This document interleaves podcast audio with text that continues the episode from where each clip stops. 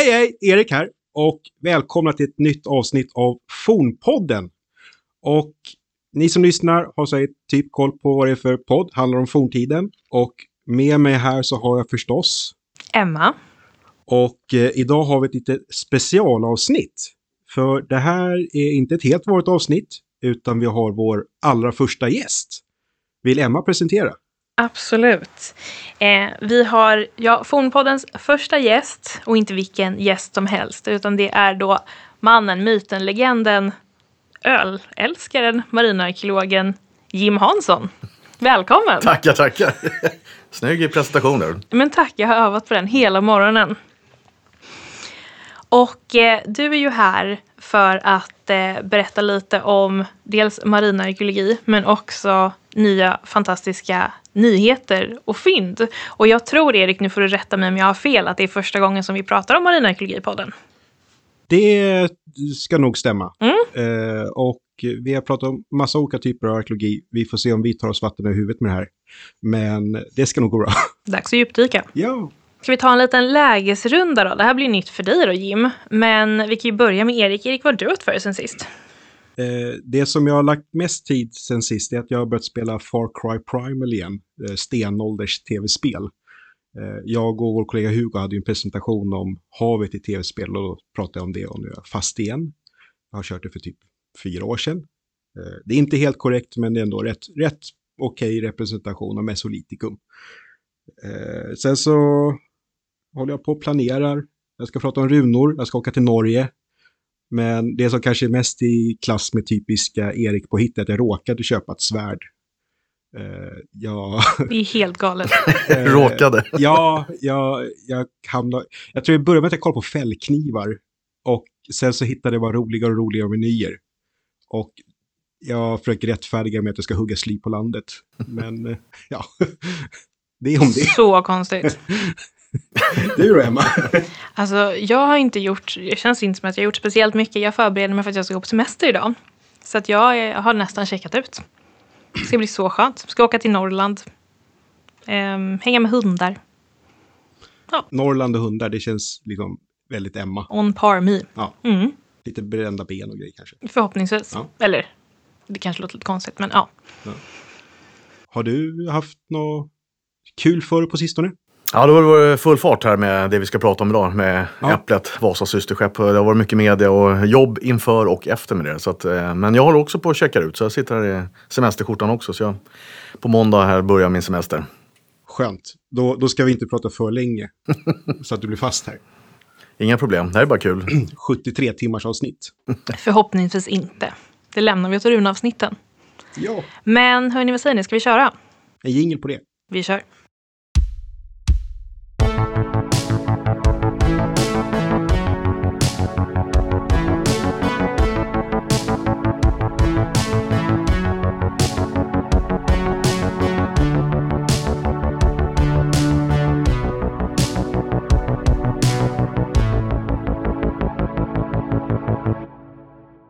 Vi har en väldig massa saker att prata om och gå igenom förstås. Men för att våra lyssnare ska förstå vem du är. Vem är du Jim?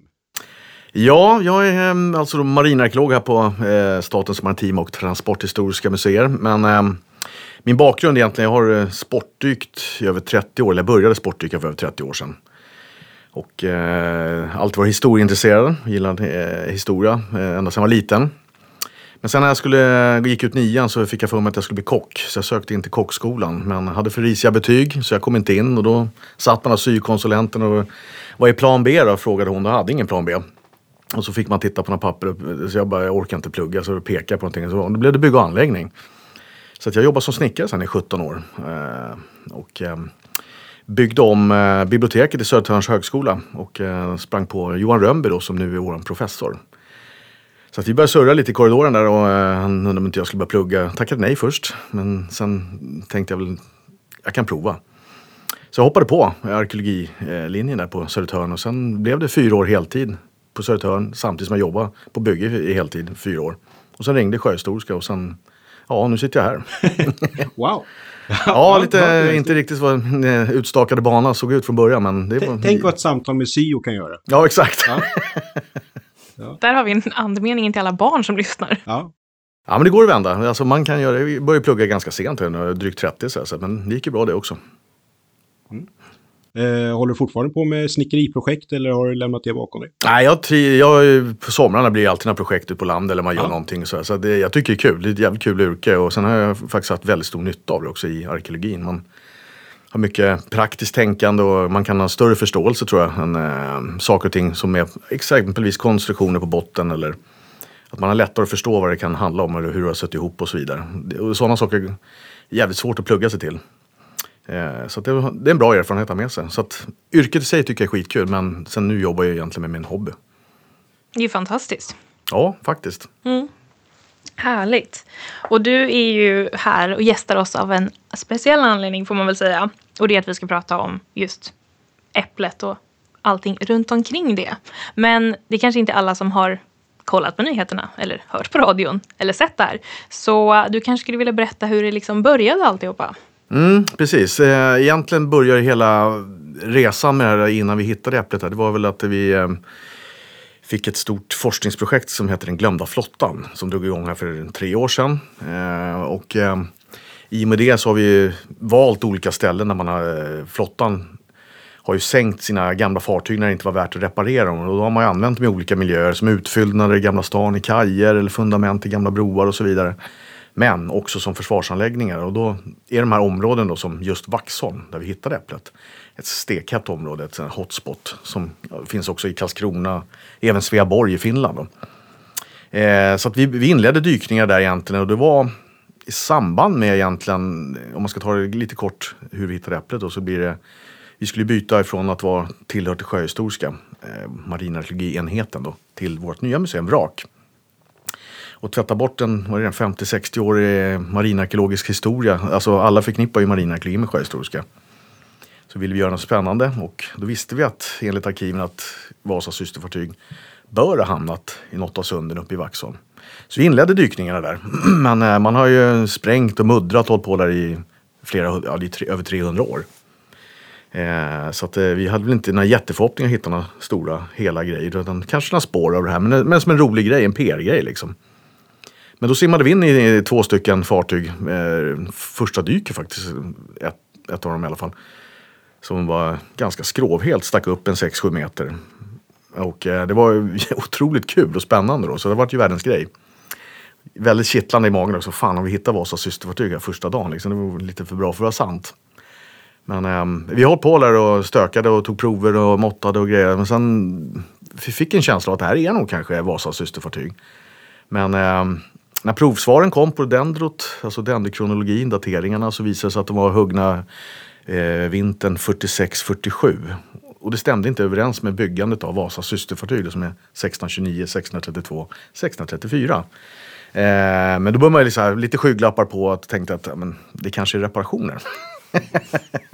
Eh, och, men hur som helst, så de ville ju släppa det här, att vi skulle byta varumärket och allt det där. Så att det här liksom gick ut att vi hittade två stora örlogsfartyg. Dimensionerna på många grejer var i paritet med Vasa, så det fanns liksom en viss känsla av att det kan ändå vara det. Men sen eh, när det här gick ut så, jag vet inte riktigt hur gick, eh, vem som sa det faktiskt, men det slapp ut i media i alla fall att det kanske var Vasas systerfartyg. Vi var ju inte säkra på det, långt ifrån. Men det vart världens jävla drag. Alltså i media och runt om i världen. Washington Post, New York Times och alla möjliga. Så det vart ju ett otroligt bra PR från att byta från sjöhistoriska till vrak. Men vi kändes inte så här jättebekväma med det där. Fan, åh, de har hittat Vasas systerfartyg. Bara, Ah, inte, kanske inte riktigt än. så att vi var där och tog nya prover att se om det var reparationer. Men sen eh, kom vi på en lite ny eh, taktik för att hitta bredden på fartygen. Alltså väldigt enkelt och basic som man kan undra. Att poletten föll ner efter 30 år ju märkligt, men det gjorde det. Så vi mätte däcksbalkarna som vi fick fram skråformen väldigt bra. Och i arkiven så finns det egentligen bara längd och bredd. Och inom huden benämns bredden. Och det visste vi inte riktigt vad är det. Eh, men det visade sig sen efter eh, jämförelsevis med arkiven och måtten och var inne ombord på Vasa att det är innanför bordläggningen. På insidan av plankorna alltså. Och då fick vi fram väldigt bra mått, eh, skrovprofiler på de här två vraken. Den ena var 8,80 och den andra 9 meter. Så de var ju alldeles för smala för att vara Vasas systerfartyg också. Och sen kom dateringen nummer två, så samma sak, vintern 46-47. Så det hela landade i att vi hittade två bortglömda fartyg. Den ena hette Apollo, byggd i Vismar och den andra Maria, byggd på Skeppsholmen. Två medelstora örlogsfartyg. Eh, så det var, var en jättespännande story och nästan lika bra drag i media kring det. Utan en fråga, eh, faktiskt en följdfråga var det var så syster för det var ingen som brydde sig. Vi har kommit nya roliga rön och så, så det var jävligt kul.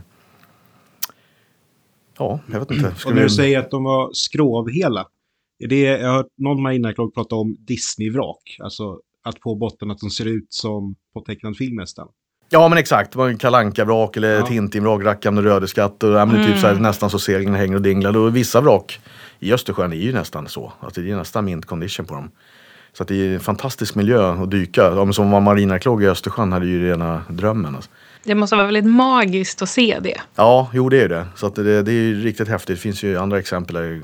15-talsvraket, handelsfartyg där Osmenvraket som vi kallar det för. Där står kopparkitteln fortfarande i spisen liksom. Från mitten av 1500-talet. Så det, är, ja, det blir lite magiskt när man kommer ner upp första gången sådär. Och då i något annat hav så är det i princip bara kitteln som hade varit kvar eller? Ja, det, man, tänker, så man tänker sig stora fina Vasa som är 97 procent intakt tror jag. Hade den sjunkit utanför Göteborg hade det inte varit någonting kvar mer än botten och ballaststenen. Så eh, med det perspektivet så förstår man att eh, det är väldigt speciellt här. Och då var det ju, när man har sprängt och muddrat också, tänkte man att då är det ytterligare ett par faktorer där som borde göra att de här fartygen var borta. På i Vaxholm här, men det var de inte. Men eh, vi jobbade ju vidare där och eh, tyckte det var skitkul med de här två identifieringarna. Maria exempelvis var ett fartyg som Karl X seglade från Tyskland när han skulle krönas och bli Karl X. Så det fanns spännande historier som eh, liksom har glömts bort lite grann. Men vi har ju stor hjälp av marinen där ute. Det är ett skyddsområde fortfarande. Ehm, egentligen om man drar lite kort så är det man flyttade ut de medeltida försvaret egentligen. Medeltida stadsmurarna höll ju inte riktigt måttet för de här stora skeppen med tungt artilleri som kom i början på 1500-talet. Så Gustav Vasa väljer efter noggranna rekognoseringar Vaxholmsområdet då som är låset till Stockholm. Så att 1548 finns det ett brev där han bestäm, beslutar att här ska vi bygga stenkistor och eh, så nämner man att man ska använda gamla skepp också. Och det är lite ballt, det är 500 års kontinuitet nästan där. Det är lika hög sekretess idag. Så det är liksom inloppet till Stockholm. Så därför behöver vi ha marin med oss. Men de är jättepå och tar det här som en jättebra övning där vi lär dem fota i 3D, dokumentera arkeologiskt eh, och sådär. Så att de, de, får ut väldigt mycket av Sen när jag började prata med så försökte jag väl liksom, ja men det är ju Vasas systerfartyg kan ju ligga där och det är faktiskt era gamla fartyg faktiskt. Det är dags att ta reda på historien kring dem. Tycker vi. Ja. ja men exakt, och det, jag tror det funkar. De är jävligt taggade och det är kul.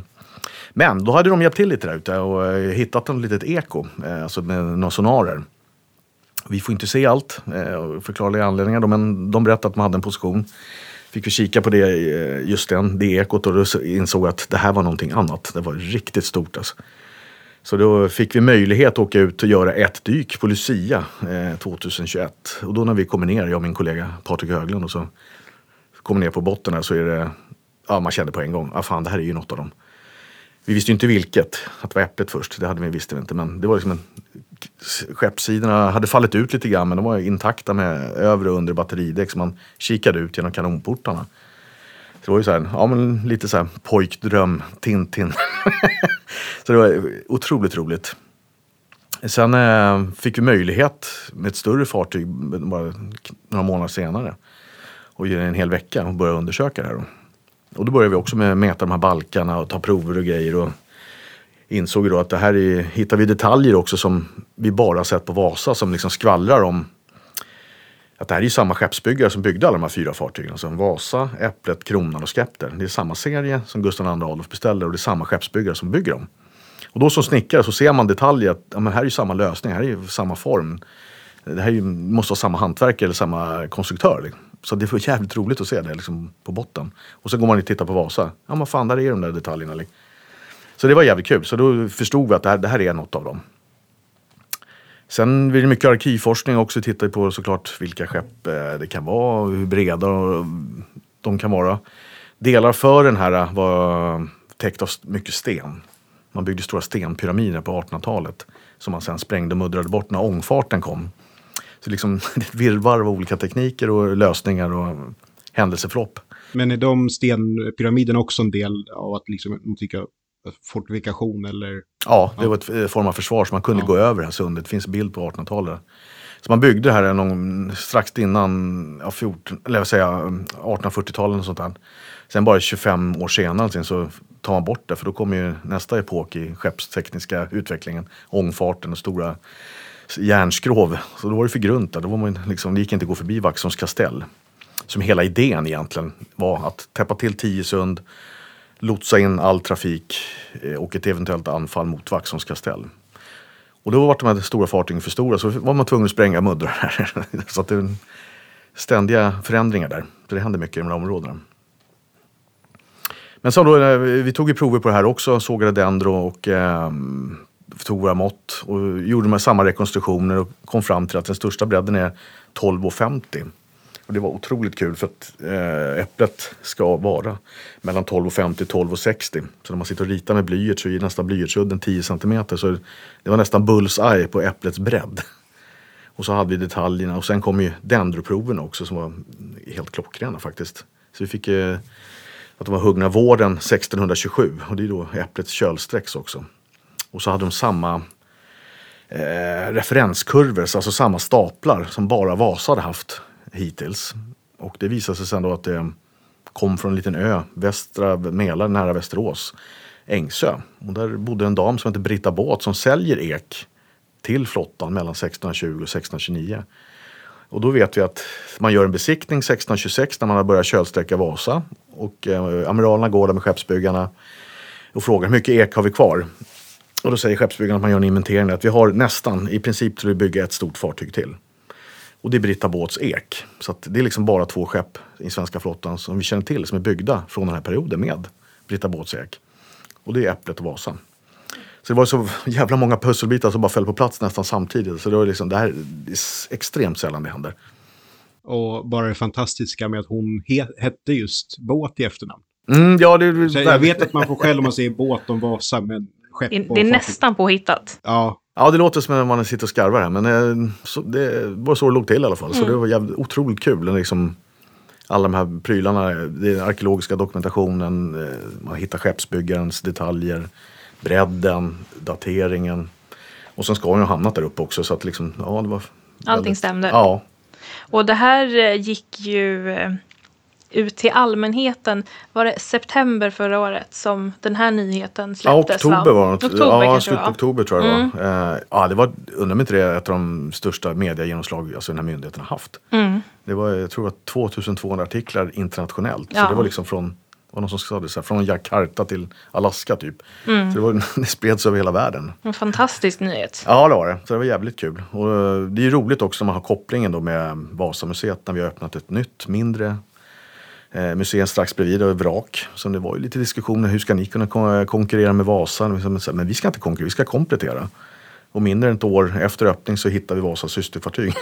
Och sen kan liksom börja diskutera Vasas instabilitet, konstru- konstruktionslösningar på allvar. När man har skepp nummer två. Som ligger, de ligger faktiskt bredvid varandra på Blasieholmen då och byggs ju samtidigt under nästan ett år. Det är liksom nästan lite för bra för att vara sant. Helt fantastiskt. Mm. det, på Vasamuseet så har de väl någon sån modell över Blasieholmen när Vasa byggs. Och då ser man väl hur äpplet är på gång till och med i själva modellen. Mm, Så det är ju närvarande i den historia som finns redan. Och sen Mm. så, som sagt, som du säger, att komplettera. Ja visst. Och det är också kul då, som, eh, med, med man har lite extra hantverksintresse. Det är ju att det är ju heter det, Henrik Hybertsson som får beställningen av Gustav II Adolf. Skeppsbyggare från Holland. Eh, han dör mitt i bygget av Vasa. Eh, och Henrik, eh, eller Hein Jakobsson, hans andra man, tar över. Och han färdigställer Vasa och sen bygger de andra tre. Men det vi sen ser det är att han breddar äpplet redan innan Vasa är sjösatt. Så han inser och påstår i ett rättegångsprotokoll att han försöker även bredda Vasa. Men det var, hon var lite för långt gången så det gick liksom inte att göra det. Men att han har sett att det här ser inte så bra ut redan hon, eh, alltså innan hon sjösätts. Och så breddar man då äpplet med en dryg meter. Eh, och, och sen vet vi, visste vi då inte riktigt vad, vad är det mer man ändrar på. Är det form, höjd, bredd visste vi ungefär. Då hade vi liksom indikationer på. Men, så att när Vasa eh, förliser, då är redan äpplet klar i princip.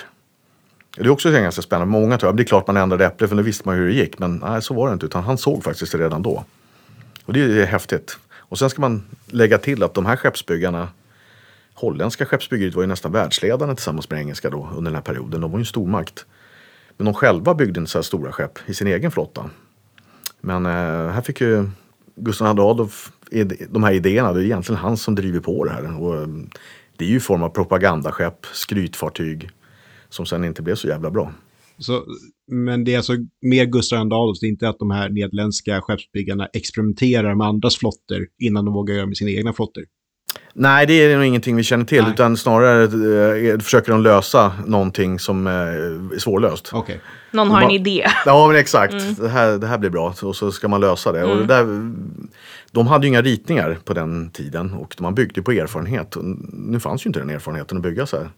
Tvådäckare har man ju byggt på 1500-talet men inte med det här enhetsbestyckade då. Eh, artilleriet. Och det, det, var det som också var nytt, att man skulle ha 24-pundiga på nedre däck, stora tunga kanoner. Det var vanligt. Men då hade man lite lättare på övre däck, men nu skulle man ha lika tunga övre. Mm. Försökte man mixtra eh, och experimentera också med kanoner. Så man, man gjuter ju en lättare variant av de här 24-pundiga. Som man antagligen försöker kompensera den högre eh, vad heter det, vikten som blir högt upp i skrovet. Men det verkar som att det är bara Äpplet och Vasa som vi känner till i skeppslistorna som man hade en enhetsbestyckning men det var efter, jag tror 1632 så slutade man det på Äpplet också. Så det var en idé som inte funkade. Så det är en trial and error-period helt enkelt. Eh, kom bara på innan vi går vidare eh, längre. Eh, dendrokronologi som nämns. Mm. Eh, årsringsanalys. Mm. Hur funkar det? Kan du förklara det på ett enkelt sätt? Jo, men eh, dendrokronologi, dendro betyder väl träd tror jag på grekiska. Allting kommer från Grekland. Känns det som. Eh, även min sambo. eh, nej men det, det, eh, det, innebär att dendro, det att man sågar prover. Det kan vara bordläggning, spant eller däcksbalkar eller vad det nu är. Stockar i en brygga eller någonting. Det man tittar på är sammansättningen av eh, ringarna, årsringarnas, alltså avstånden mellan årsringarna. Och det bygger på, är det bra växtår, ja då är det glest mellan ringarna. Är det dåligt växtår, är det eh, smalare mellan, eller mindre avstånd mellan ringarna. Och då tittar man i kyrkoböcker på hur vädret har sett ut. Man har eh, referenser från kyrkor, slott, herrgårdar. Så man bygger upp referenskurvor. Det som är fina i det här det är ju att alla träd har som ett eget tumavtryck, precis som vi människor har. Så att får man en bra träff och du råkar ha barken kvar till och med, där yxan liksom högg, där trädet dog så att säga. Då har du sista årsringen och då får man också när på året oftast. Och dessutom proveniensen, var någonstans det kommer ifrån. För då kan man placera in det här DNA-staplarna som det nästan ser ut som i en referenskurva. Och hittar man då rätt, då placerar man och då får man att ja, men här är huggen, de här årsringarna slutade här. Och då är det på våren 1627 exempelvis i västra Mälaren. Och då har man arkiven, då är västra Mälaren är Britta Båts lilla ö, Ängsö, där hon bodde på slottet där. Så att, liksom, det är en otroligt häftig metod. Men det är, det är, inte alltid man får hela vägen ut till barken, ska jag säga.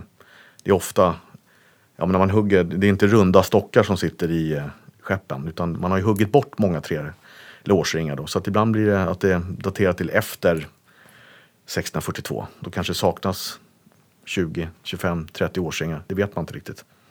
Men det ger ändå en bra vägledning ofta. Och att då när man har det relativt komplett, att det blir mer noggrant än kol 14 som väl annars är den kända metoden, speciellt i populärkulturen. Absolut, och det, den är jättebra, men det är oftast bättre om man är längre tillbaka i tiden. När vi eh, tar C14 och är 1600-tal, då kan du diffa på ett par hundra år. Då kan man liksom vara uppe och nosa nästan på 1900-talet. Okay. Man får ju ofta en hyfsad indikation så ändå, men det blir mycket, mycket grövre än ett dendro. Mm. Sen finns det såklart, eh, det kan ju komma dendroprover från skepp som kanske kommer från andra delar av världen där vi inte har referenser som exempelvis Ryssland. Vi har ju inga koll på det. De kurvorna. Och då vet man inte, då får man ingen datering överhuvudtaget. Så det inte är helt hundra, men det är en häftig metod när det funkar. Ja, men eh, som du har hintat om lite innan här tidigare så var det ju då lite nyhetsspridning när vi släppte, eller när ni släppte nyheten i oktober förra året. Men sen så har vi ju faktiskt, eh, har ju kommit ut nya nyheter för inte alls speciellt länge sedan.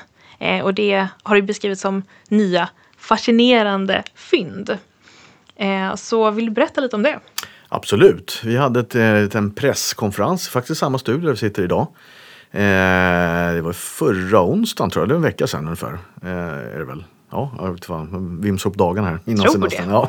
Nej, men det var, vi var ju dök för två månader sedan igen. Vi var ute med försvaret igen och deras fina fartyg HMS Furusund.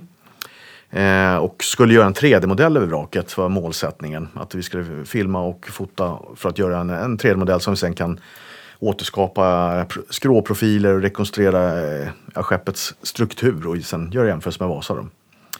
Men vi hade lite indikationer. Vi hade tyckte vi hade sett ganska stora timmer ner, nedanför akten där det fallit ut massa timmer. Så vi skulle också vilja få koll på de konstruktionstimmerna för att se. Vi hade ju bredden på fartyget nu. Nu vill vi också se hur såg aktern ut, akterspegeln. Hur, var den högre eller lägre? Eller, vi hade ju lite funderingar på att man kanske borde ha sänkt äpplet. Men eh, första dyket där då, när vi hoppade ner, det var också jag och Patrik igen. Vi är alltid först på bollen. Eh, när vi kom ner jävligt djupt och det, hittade de här konstruktionstimmerna. Så eh, simmade vi runt där i bäckmörker, det var bara två meter sikt. Men det kändes jävligt kul att se att fan, här ligger de här. Här kommer jag kunna eh, liksom rita upp och få till en bra rekonstruktion utav. Men i det här, alltså, i ficklampsskenet, så helt plötsligt mellan balkarna, så då var det verkligen, vad fan är det där? Då ligger stort jättestort lejonhuvud med gapet öppet och bara tittar rätt uppåt. så det var ju så här, vad fan? ja, det var en helt eh, sanslös upplevelse. Och som sagt, man har dykt 2000 dyken som har hållit på i 30 år men aldrig hade förväntat mig det där. Så det var ju eh, otroligt kul. Och sen visade det sig sen att det ligger flera skulpturer runt omkring då. Och äpplet är ju medvetet sänkt efter 30 års tjänst. Och vi har ju dykt på många av de här utkänta skeppen men aldrig hittat några skulpturer. Och hela idén kring eh, det här med att man sänker skeppen är, trodde vi, att man plockar bort värdefulla saker, bland annat skulpturerna. Då. Men icke sa icke. Så där låg de. Och sen, eh, vi fortsatte med 3D-filmen och hittade fler skulpturer. Men där nere i akten då, det, det ligger hela riksvapnet, alltså Sveriges riksvapen. Det, så det här, det här lejonhuvudet visar sig, det är ett stort lejon som är nästan två meter högt. Eller två meter långt blir det. Eh, och sen på andra sidan så ligger nästa lejon. Och sen ligger en massa krusiduller, voluter och eh, friser i snygga ornamentik runt omkring. Så att, ja, det där var ju bland det häftigaste dyk jag faktiskt har gjort. Det var så oväntat men så jävla häftig upplevelse.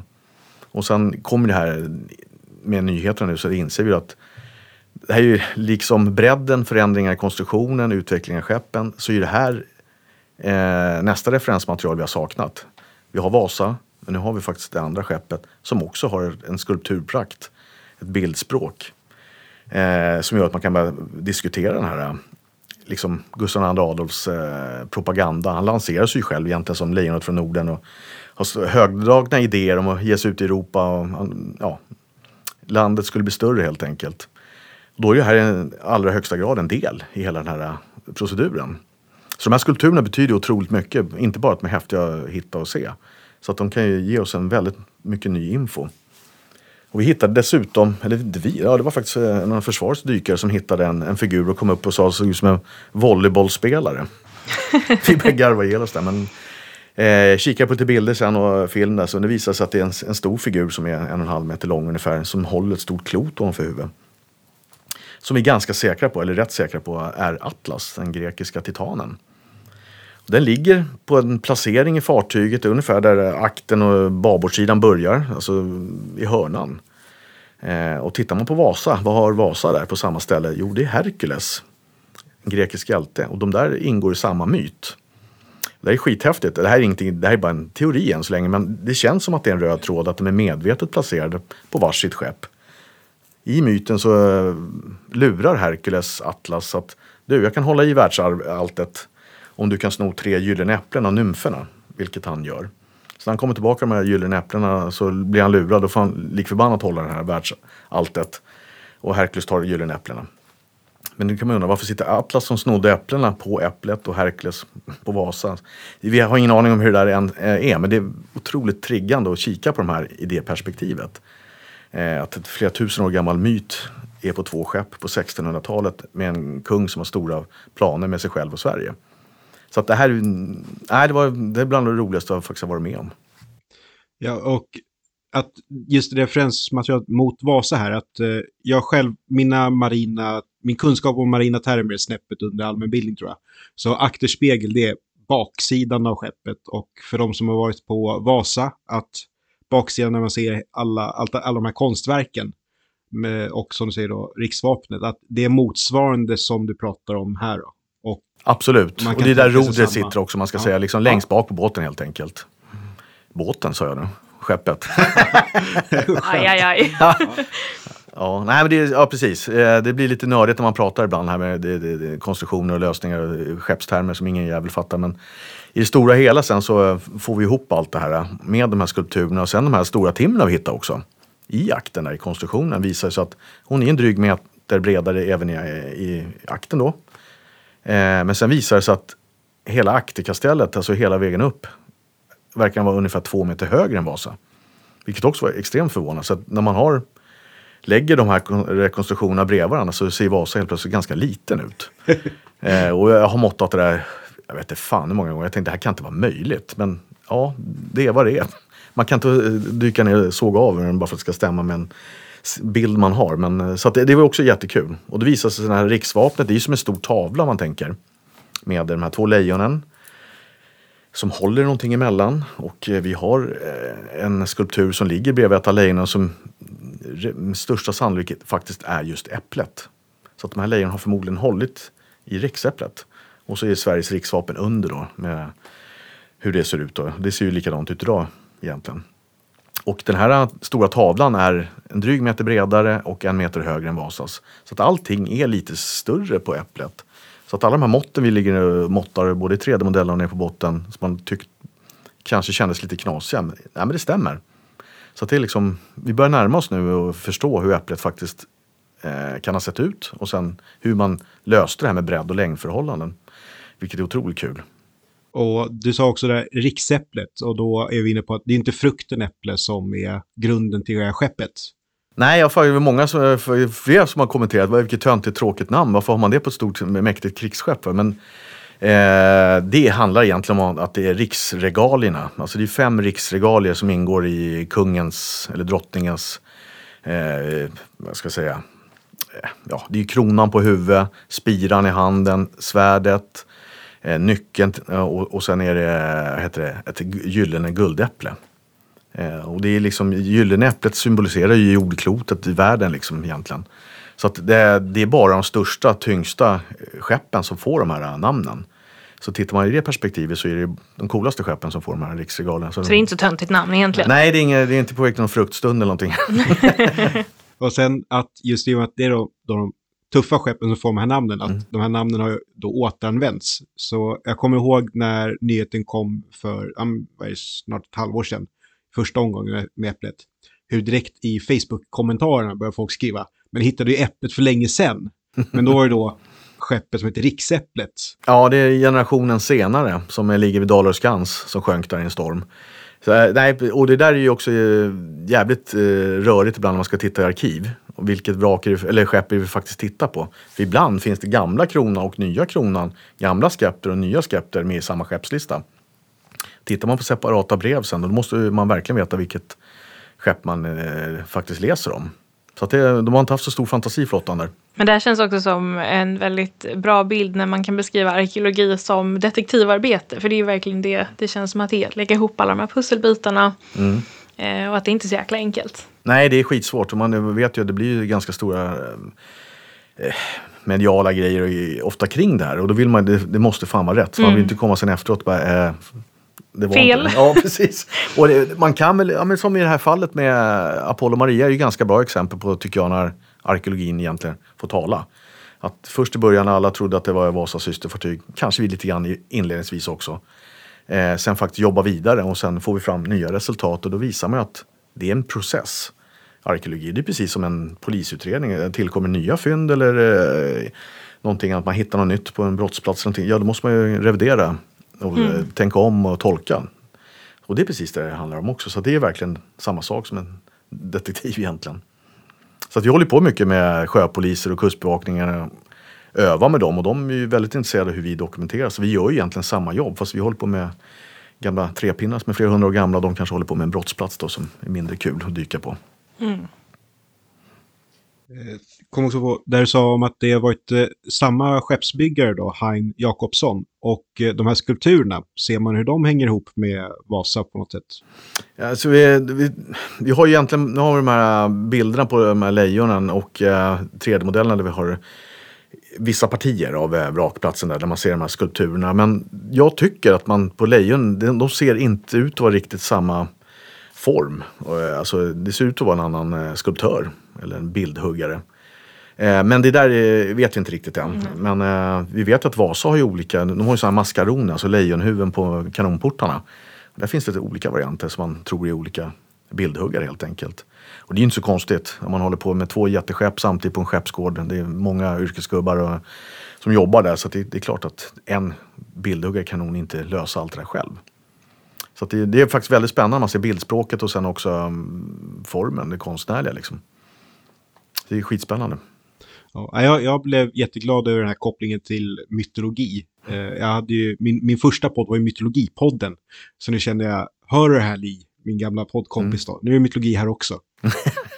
Ja, men det, det är inte bara den grekiska. Det finns ju romerska eh, mytologier på Vasa och i den götiska 1600-tals eh, mytologin och nordisk mytologi. Så det är liksom en mischmasch av allt möjligt. Men det är ju ett form av språk. Alltså det, är- det är ett budskap från stora mäktiga kung Gustav II Adolf och det nya stora tuffa Sverige ut mot Europa och fienden då.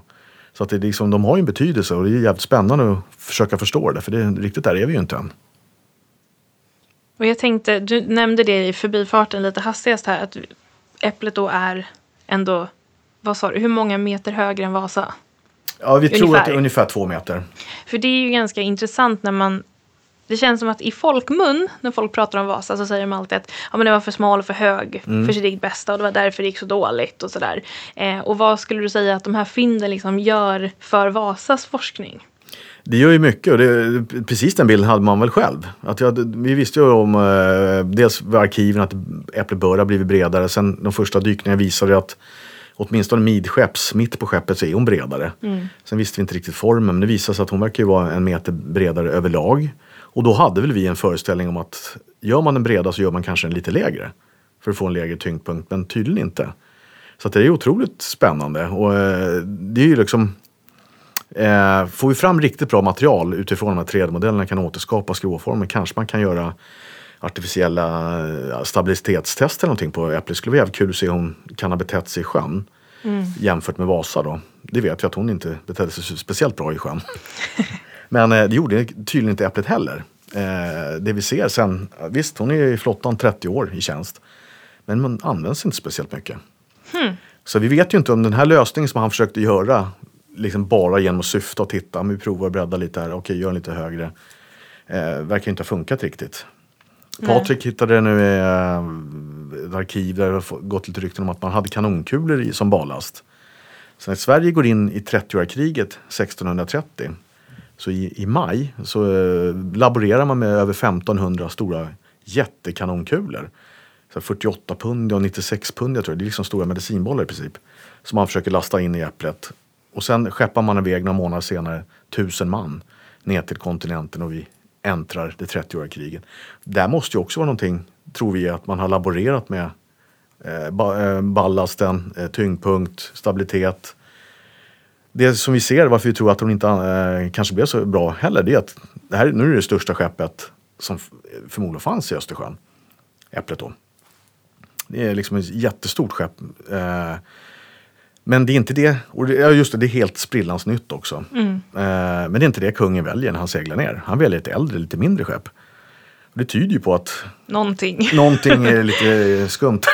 att den kanske var en trög seglare, sen seglade dåligt helt enkelt. Eh, Men du sa tusen människor ombord. Hur många borde vara ombord på Äpplet? Alltså vad är det tänkt för?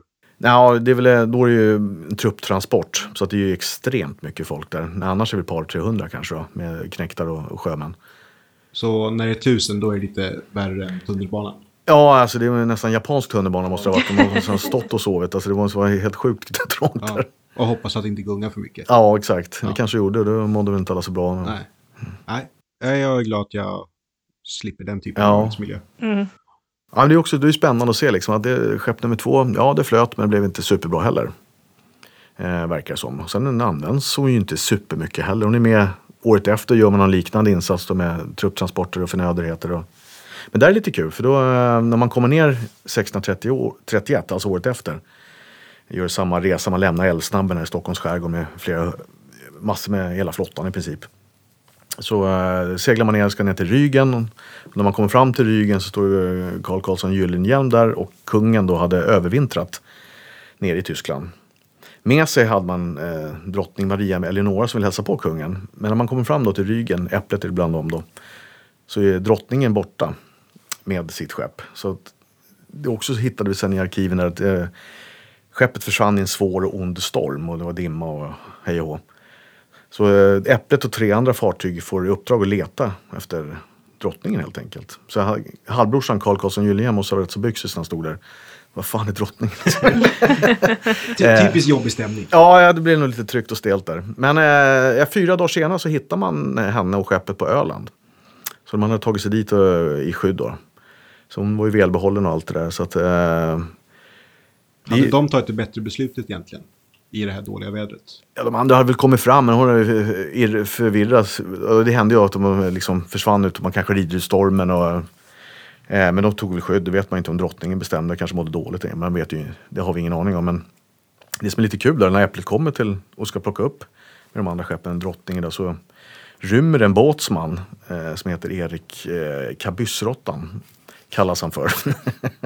jag också hittar i arkivet, det är jävligt roligt för han är återfallsförbrytare som tidigare snott en vadmalsskjorta av någon båtsmanskompis. Nu har han snott en kopparkittel och stuckit iväg och försökt rymma på Öland men de hinner fatta honom och eh, fiskar upp han. Får dödsstraff. Oj! Ja, det var inga straffrabatter där. Jösses. nu vet vi inte om det verkställdes men det är ganska häftigt då att man har drottningen och kabyssråttan i samma händelse egentligen. Mm. Jag Högt kan, och lågt. Jag kan känna en viss respekt för någon som heter Erik som är, gillar vadmalskläder annars. Det, mm. Är det du? Är det, ja, precis. Fan, det är du som är kabyssråttan. ja, jag klarade mig. Oväntad vampyrstory. Ja, exakt. ja, men det är kul. Alltså, då, då, har vi liksom hittat lite grejer. Och eh, det här är ju några grejer vi har hittat om Äpplet. Men det där är ju liksom en ganska omfattande jobb att gå igenom arkiven och se om vi hittar något mer spännande. Vilket vi hoppas. Men sen säger en av de här kända amiralerna, äh, Claes Fleming att um, de här stora skeppen eh, ligger mest och ser sirat ut. Vilket menas med att de ligger mest och ser snygga ut vid kaj. Mm. Man använder inte dem speciellt ofta. Utan det är, det är verkligen propagandafartyg. Snyggt i stadsbilden. Liksom. Men förmodligen svindyra att hålla i ordning på. Mycket folk krävdes. Svårseglade. Så att det, och då är det, när man har byggt de här kronan och skepter, som förvisso blir lite bättre, efter det, när kungen har dött också, så bygger man inte så här stora fartyg på 20-25 år. Utan då bygger man de här medelstora. Så att Apollo och Maria, om vi ska sy ihop det lite grann, är faktiskt en direkt effekt av de här fyra inte speciellt bra skeppen. Så då bygger man de här medelstora fartygen som sen är med i slaget vid Femen och, och, så vidare, där inte de stora skeppen är med. Så det är jävligt spännande, liksom man, man kan se utvecklingen också. Och resultaten och verkligheten, det är arkeologin. Det är det som ligger på botten. Så löste man det. Så såg det ut. Bra Väl, grejer. Väldigt häftigt. Arkeologi är häftigt. Visst är det det?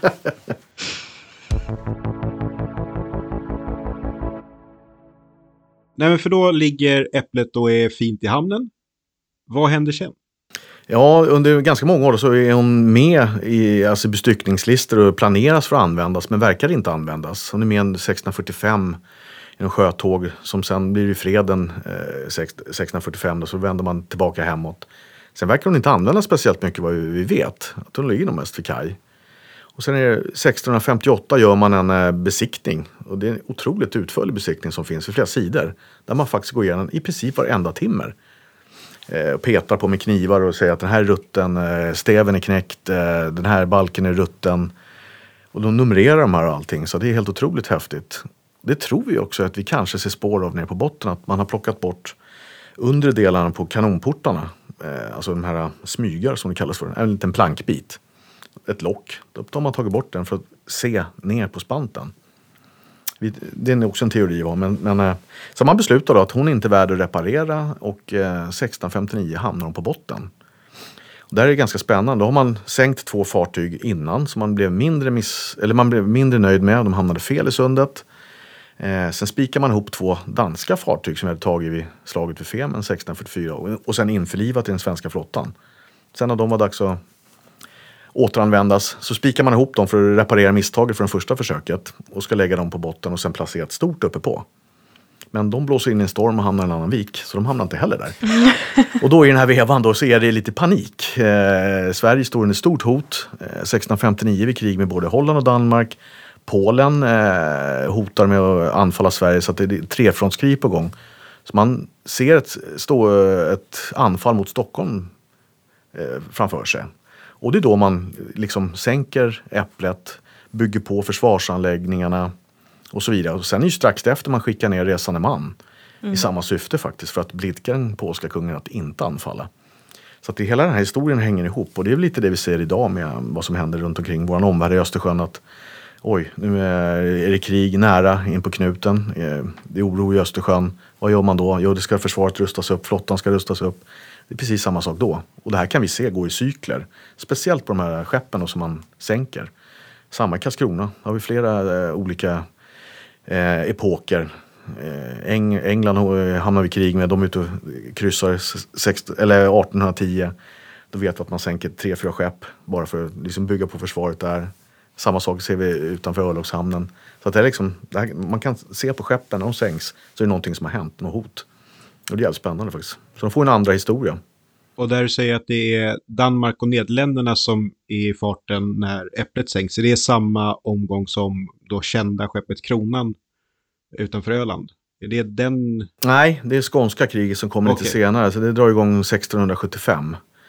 Och det är 1676 Okej. kronan då, eh, alltså den senare kronan, den stor, jättestora kronan, exploderar. Och även svärdet. Båda de är ju förresten byggda på Skeppsholmen också. Det har man ju svårt att tro när man, när man går där idag med mjukglass. Bra. Fantastiskt. Men att, eh, och, ja nu, alltså det blir så här med en bra historia. Jag sitter mest här och svamlar nu känner jag. Mm. Men, Jag också känner ja, ja men, Ja, men du är eh, så duktig. Ja, eh, jättehäftig historia och att, ja men som uppvuxen i Uppland, var till liksom Vasamuseet när jag var liten med farmor och farfar och Vasa har ju funnits att, runt omkring, att det är ju nästan vår mytologi, apropå det spåret. Men att det blir ju så mycket mer nu och det blir mer kontext, det blir mer köttigt och saker hänger ihop. Och också lite skönt att höra om ett skepp. För visst, Äpplet blev då kanske inte så bra de hade velat. Men det är ändå lite skönt med en internationell skeppshistoria som inte går ut på att det sjönk efter 20 minuter. Att... Eh, lite Nej. mer framgångssaga. Ja, jo, men så är det väl. Sen, sen ska man nog tänka så här. Det är ett form av experiment, en utveckling med att bygga de här fyra fartygen. Då. Men det är egentligen samma sak om man drar en parallell till hur man bygger stridsflyg. Det, alltså, det, det finns ju inte en modell på ett stridsflyg som inte har haft ett par krascher innan man sätter allting. Det är li, lite samma sak. Det är, mm, samma eh, försvar försökte bygga den här eh, stältfartygen. Man börjar med den här Smyge, blev ingen succé. Sen får man till det här med Visbykorvetterna. Det är liksom en utveckling, testa sig fram. Det är liksom, men det är ofta sådär, eh, det är inom krigs och försvarsindustrin de flesta tekniska utvecklingarna faktiskt kommer ifrån. GPS, radar och allt möjligt. Det, det är liksom därifrån det kommer. Och det har ju, därför går ju att dra de här parallellerna då till 1600-talet. Där de här skeppen faktiskt är de mest högteknologiska grejerna som fanns. Så man kan jämföra dem med de här Visbykorvetterna eller ett JAS-plan. Det är liksom dyraste, största, det senaste som finns. Och det är klart, då vill ju Gustav II Adolf ha den största som finns också. Såklart. Verkar det som. Ja, precis. Det är så här lite maktgalna gubbar som går igen i historien. Typiskt killar. Verkligen. Ja. Men eh, en fråga som jag vet att många har liksom frågat när jag har hållit lite span på sociala medier och nyhetsartiklar och sådär. Det är, kommer man plocka upp äpplet som Vasa? Nej, skeppet kommer få ligga där det ligger. Eh, Hon ligger i ett skyddsområde och eh, det kommer inte hända. Nej. Däremot de här skulpturerna har vi redan börjat spåna på naturligtvis vad vi gör med dem. Mm. Eh, men vi vill dit, vi är inte riktigt klara med 3D-modellen, vi behöver komplettera lite. Sen har vi faktiskt inte hunnit snoka. Eh, vi, alltså efter skulpturerna på ett riktigt sätt. Vi skulle behöva liksom lägga, lägga ett par dyk. Man kanske ska säga det också, vi har bara 25 minuter från att vi lämnar ytan tills vi måste lämna botten på förmiddagen. Sen får man vänta nästan fem timmar i ytintervall. Sen har man 17 minuter på eftermiddagen. Det är väldigt lite effektiv tid där nere. Så vi har liksom fokuserat nu på att få till 3D-modellen. Det vi vill göra är förhoppningsvis komma tillbaka eh, marinen i höst kanske då, om, om de kan, om möjlighet. Eh, komplettera 3D-modellen och sen leta mer skulpturer och ha ett underlag då för att sen, vad gör vi sen? Ska vi plocka upp någonting? Hur många skulpturer är det? Eh, blir det ett urval eller ska alla upp? Eller ska de vara kvar? Så vi måste ha ett, en bra eh, dokumentation på botten som vi sen då kan fundera på och söka, söka pengar kanske tillsammans med forskningen på Vasa möjligtvis. Och eh, att vi kan göra någonting ihop. Men det måste ju också, en liten detalj, det behövs rätt så mycket stål här också. Mm, såklart. Så måste ha en planering för eh, konservering och sen var de ska hamna och så vidare. Så att det är mycket nya frågor men det är ju ja, det är så jävla roligt. Mm, verkligen. Ska vi ta de här lite frågor då? Ja. Ja. Mm. För ja, jag tycker alltid om att fråga arkeologer, vad har du för favoritepok? Ja, fan vad svårt. Det, det, marinarkeologin så, här, så blir det oftast vi kommer ner på botten och ofta är det vitt papper. Det är, eh, man vet inte vad som finns där och det är det som är jävligt kul. Så det kan vara vad som helst. Men jag gillar faktiskt egentligen eh, lite industrihistoria. Som det Osmenvraket exempelvis med järnhanteringen och sådana där saker tycker jag är skitspännande. Och det vet vi extremt lite om. Så jag, jag, jag, tycker det är jäkligt roligt för det är också någonting som bygger upp allting. Det här anonyma Osmenvraket mitten av 1500-talet. De typerna av skeppen, det är ju det som sen sätter Sverige på kartan egentligen. Med exporten eh, som sen bygger upp stormaktstiden, att vi har råd med allt det här. Sen under 1600-talets, jag tror andra hälft, så är 70 procent av världens järn passerar ju faktiskt Gamla stan, kommer från Sverige. Men det vet vi inte så jävla mycket om. Och det tycker jag är skitkul. Så jag, jag gillar den epoken och det är väl ja, 15-1600-talet mm. som jag tycker är spännande. Och då apropå sånt som man kanske inte vet så mycket om, har något drömfynd Ja, alltså, Eller är det det du gör nu? Ja, det, det, det blir ju ofta det när man hittar en så här oväntat. Men just att man, eh, drömfynd, jag, jag, man ska säga så här, jag tycker att marinarkeologi och när man hittar ett vrak oavsett vad det är egentligen, att man använder vraket som ett verktyg och sen berättar, försöker lyfta upp det till ytan. Vad hände uppe på ytan? Eh, hur såg historien ut? Vems var det? Var skulle det? Eh, sådana saker. Det, blir, det är det som är roligt. Och det är det som är fördelen med marinarkeologi när man har den här floskeln, din frusen tidskapsel. Men det är ju precis vad det är. Ni som har gläntat på dörren till den här stora salen uppe i Skokloster som har varit orört. Så är ju skeppen ofta. Och då kan man liksom få en inblick på hur såg det ut på 1550-talet på ett handelsfartyg. Men sen berätta den större historien. Det tycker jag är häftigt. Men sen samtidigt, visst fan vore det häftigt att hitta ett vikingatida förlist fartyg. Det ska man ju inte sticka under stolen med. Har inte du hittat ett sånt utanför Birka? Jag hittade ju bara några skeppsdelar. där gjorde jag bort mig ordentligt förresten. Jag gick och sondade där. Året efter vi hittade ett spant som var daterat till 880 och sen eh, året efter så mellan dykningar vi grävde på en annan plats så gick jag där, fan det måste ju, skeppet borde ju ligga där. Så gick jag torrdäck och sondade i fan två timmar utanför vassruggen där. Och till, till slut bara, men vad fan, här, här är det ju någonting.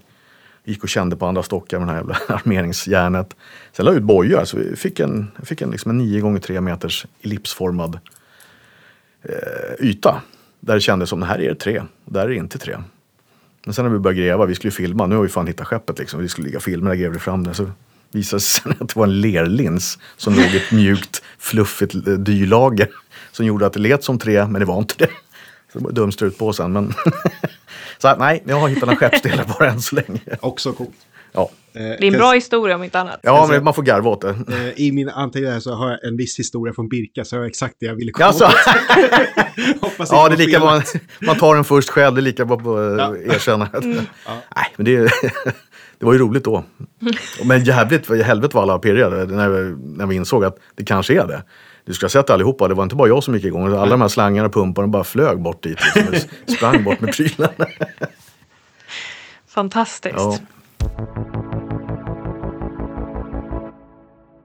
Men eh, allt det här med äpplet är ju bara början får man väl säga. Förhoppningsvis så kommer ju ja, ni hitta mer saker, eller ni kommer kunna lära er mer saker om äpplet så att vi kommer få ta del av massa mer spännande saker. Och eh, jag vet ju att ni har en Facebookgrupp bland annat som heter Vraks. Mm. Där ni är väldigt duktiga på att livesända eh, och lägga upp info och så. Och är man intresserad av att följa med ut på dykbåten och sådär så kan man få se häftiga livesändningar därifrån. Så det är ett hett tips. Eh, också Museet Vrak är aktiva i sociala medier. Jajamän. Eh, både på Facebook som Vrak och på Instagram. Och på Instagram dyker ni också upp och ingen ordvits med flit där. eh, det är svårt att undvika. Eh, men eh, också att ni kör så här månadens vrak. Men sen nu i sommar, apropå månadens vrak, då kan man väl höra dig och Patrik prata om väldigt massa vrak på Skärgårdsradion. Skärgårdsradion. Ja, precis. Vi har spelat in, eh, eller vi ska komplettera lite grann, men det blir 30 stycken små 3-4 minuters historia om olika fartygslämningar, vrak i Stockholms skärgård. Så det är både högt och lågt och um, gammalt och nytt. Så det kan jag verkligen rekommendera, det är kul. Så det kommer vara svårt att inte höra Jim och Patrik i sommar. Kanske är skittrötta på oss efter sommaren. Nej, nej, nej. nej. Jag, jag har lyssnat på er i snart ett år. Jag, jag tycker fortfarande att det är intressant. ja, bra. Då hänger vi ett tag till. ja. Eh, Och apropå sociala medier så har ju vi då såklart vår Instagram där vi heter Fornpodden. Vi finns på Facebook, på TikTok där främst Erik är aktiv. fr- aktiv aktiv. Definitionsfråga. Ja. Och sen har ni frågor, funderingar eller vill tipsa om ämnen så kan ni mejla till oss på fornpodden gmail.com eller skriva på Instagram. Men det största här är väl att vi ska säga tack till Jim. Stort tack. Tack så jättemycket, skitkul att få vara här. Jättekul att ha det här och fantastiskt eh, berättande och snyggt. Och sen så ska vi ska säga tack till myndigheten för att vi får vara i deras lokaler. Absolut. Och sen när vi ändå håller på kan vi tacka vår klippare Tobbe Ja, också tack, för det här Tobbe. jättejobbet han kommer behöva göra. Ja. Eh, men vilken... Eh, nu har du verkligen satt ribban för våra gäster, får man ju säga. Eh, och eh, om vi inte redan har sagt det så är det ju faktiskt så att eh, det är första podden som ni berättar om, eller som du berättar om de här fynden. Eh, så det är fantastiskt. Det, är, det är coolt. Så tack för att du delar med dig till oss. Ja. Tack så mycket själva. Men då så hörni, då ses vi nästa gång. Ha det så bra! Ha det bra!